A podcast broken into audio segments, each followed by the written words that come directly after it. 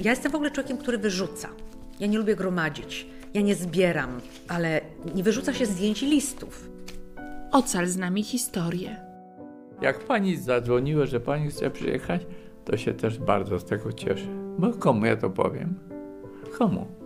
Zamówiłem tego 150. 150 egzemplarzy tej książki, tak? 150 egzemplarzy tej książki. Żeby poznali prawdziwą historię. Podcast Archiwum Pełne Pamięci.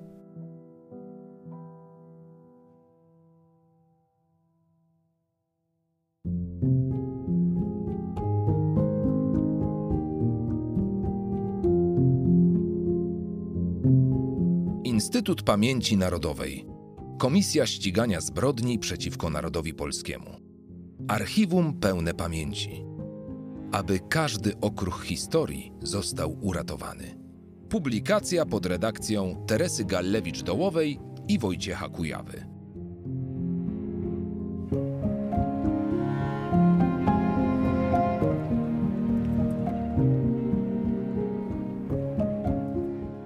Z Kołymy do armii Andersa. Tadeusz Chotomski, Wel Chodubski. Robert Szarejko, Archiwum IPN w Warszawie.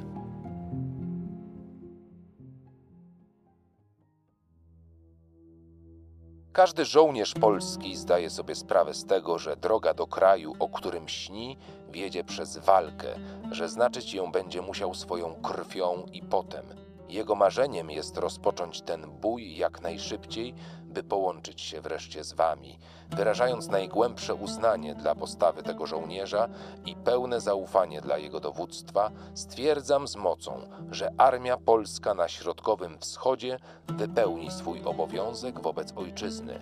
Jakże śmieszną wobec tej rzeczywistości jest oszczercza propaganda wroga, która głosiła światu, że Armia Polska na Wschodzie zbuntowała się, że się rozkłada z braku uzbrojenia i że nie chce się wcale bić powiedział generał Władysław Sikorski w przemówieniu do kraju i żołnierzy polskich wygłoszonym 27 czerwca 1943 roku przez radiostację Lewant w Bejrucie. Kiedy naczelny wódz wypowiadał te słowa, zaledwie kilka dni przed śmiercią w katastrofie lotniczej w Gibraltarze, nie mógł wiedzieć, jak odmienna będzie powojenna Polska od tej wyśnionej przez żołnierzy służących w armii polskiej na wschodzie. Jednym z tysięcy polskich żołnierzy, którzy wypełnili obowiązek wobec ojczyzny, służąc pod rozkazami generała Władysława Andersa, był Tadeusz Chodubski, po zmianie nazwiska Chotomski. Urodził się 17 października 1899 roku w Warszawie jako syn Stanisława i Józefy z domu Drużbabel, Ukończył szkołę powszechną w Jabłonnie, a następnie męską szkołę miejską w Warszawie przy ulicy Piwnej.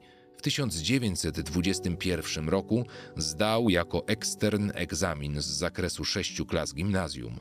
W latach 1919-1922 oraz 1925-1939 służył w wojskach łączności, w których został awansowany do stopnia starszego sierżanta.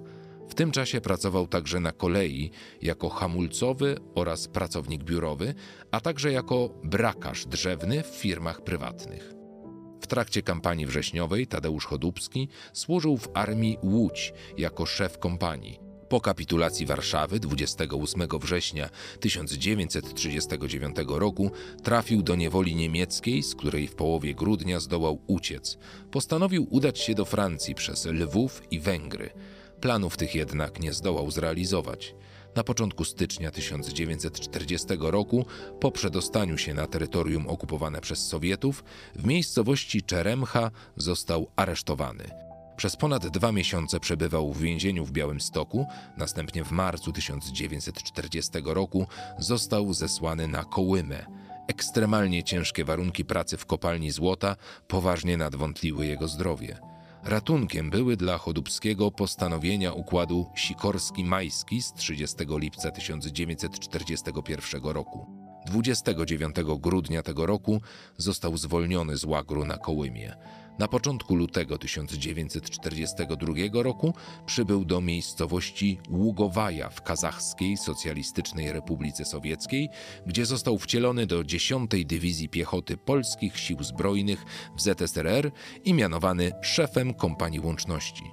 Pod koniec marca 1942 roku w ramach pierwszej ewakuacji przewieziono go do Pahlawi w Iranie – Następnie trafił do miejscowości Kwastina w Palestynie, gdzie w maju 1942 roku została utworzona z połączenia 9 i 10 Dywizji Piechoty oraz samodzielnej Brygady Strzelców Karpackich trzecia Dywizja Strzelców Karpackich. Od jesieni 1942 roku Chodubski przebywał w Iraku, jako miejsce koncentracji armii polskiej dowództwo brytyjskie wyznaczyło pustynny rejon Kanaki Quizil Ribat, położony w dorzeczu rzeki Tygrys w odległości około 140 km na północny wschód od Bagdadu.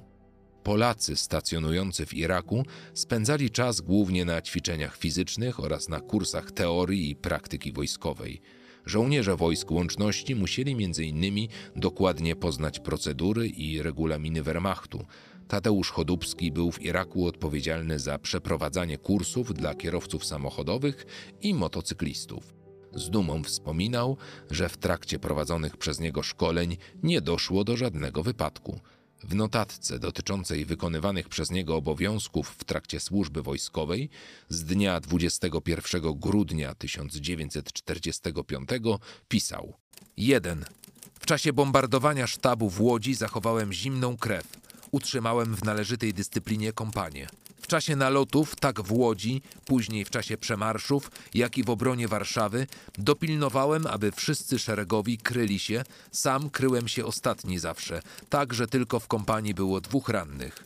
W czasie obrony Warszawy, a w szczególności w końcowych dniach obrony, miałem ciężkie zadanie zaopatrzenia kompanii w ilości 88 ludzi w prowiant, opał, wodę i materiały pędne, co mi się w zupełności udało. Ze względu na zatarasowanie ulic osobiście na motocyklu dostarczałem dla obsług radiostacji na Powązkach, Mokotowie, Nalewkach, na Predentalu, Poczcie i Urzędzie Telekomunikacyjnym. Materiały pędne pobierałem w czasie obstrzału na bocznicy na Pradze. 2. W czasie organizacji kompanii łączności 10 Dywizji Piechoty dokładałem duże starania w zaopatrzeniu kompanii celem odżywiania ludzi – Zorganizowałem kupno krowy, świni, jaj, mleka, mąki. Wystarałem się z rzeźni o odpadki.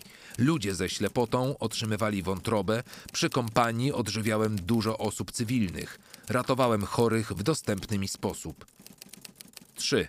W 1943 roku w Iraku prowadziłem kursa motocyklowe i samochodowe. Młodych, zapalonych kierowców utrzymywałem w ryzach, tak że nie miałem ani jednego wypadku podczas nauki.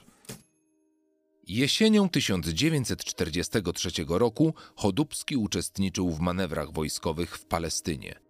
Na początku 1944 roku przebywał w Egipcie, skąd został przewieziony do Włoch, gdzie polscy żołnierze służący pod rozkazami generała Andersa stoczyli swoje największe boje o Monte Cassino, Ancone i Bolonie.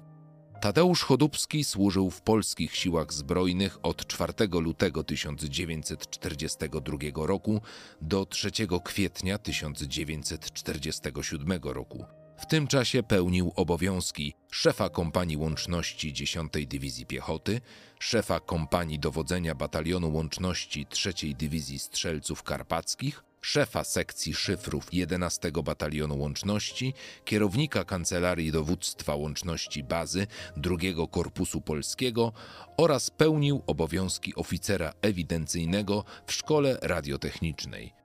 1 sierpnia 1946 roku Tadeusz Chodubski został awansowany do stopnia chorążego. Odznaczono go brytyjskim medalem wojny 1939-1945. Otrzymał także Gwiazdę za wojnę 1939-1945, Gwiazdę Afryki oraz Gwiazdę Italii.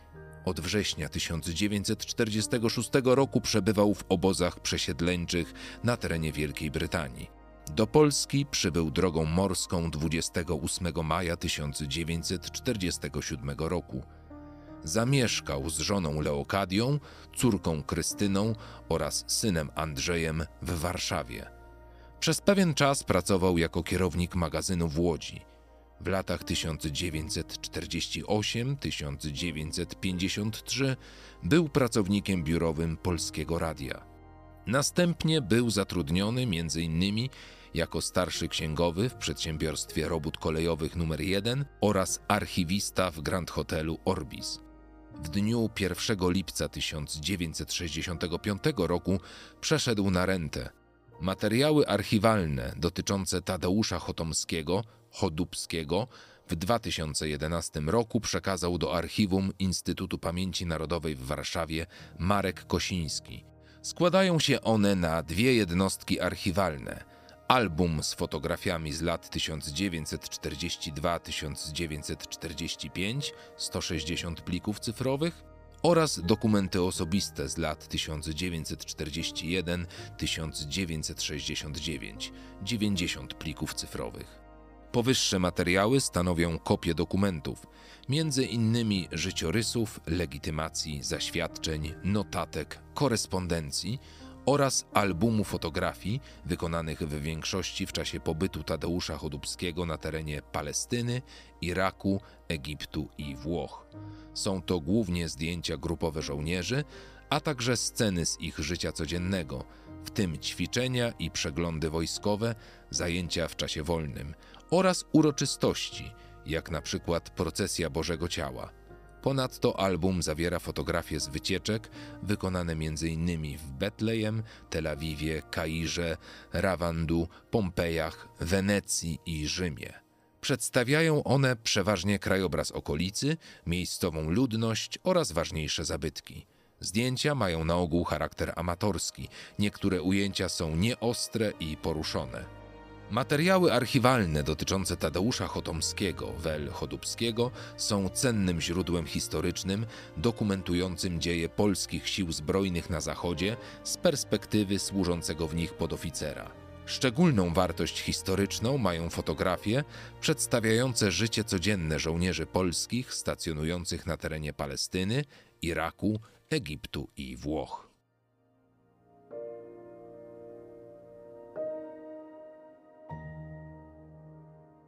Po więcej informacji zapraszamy na stronę internetową ipn.pl.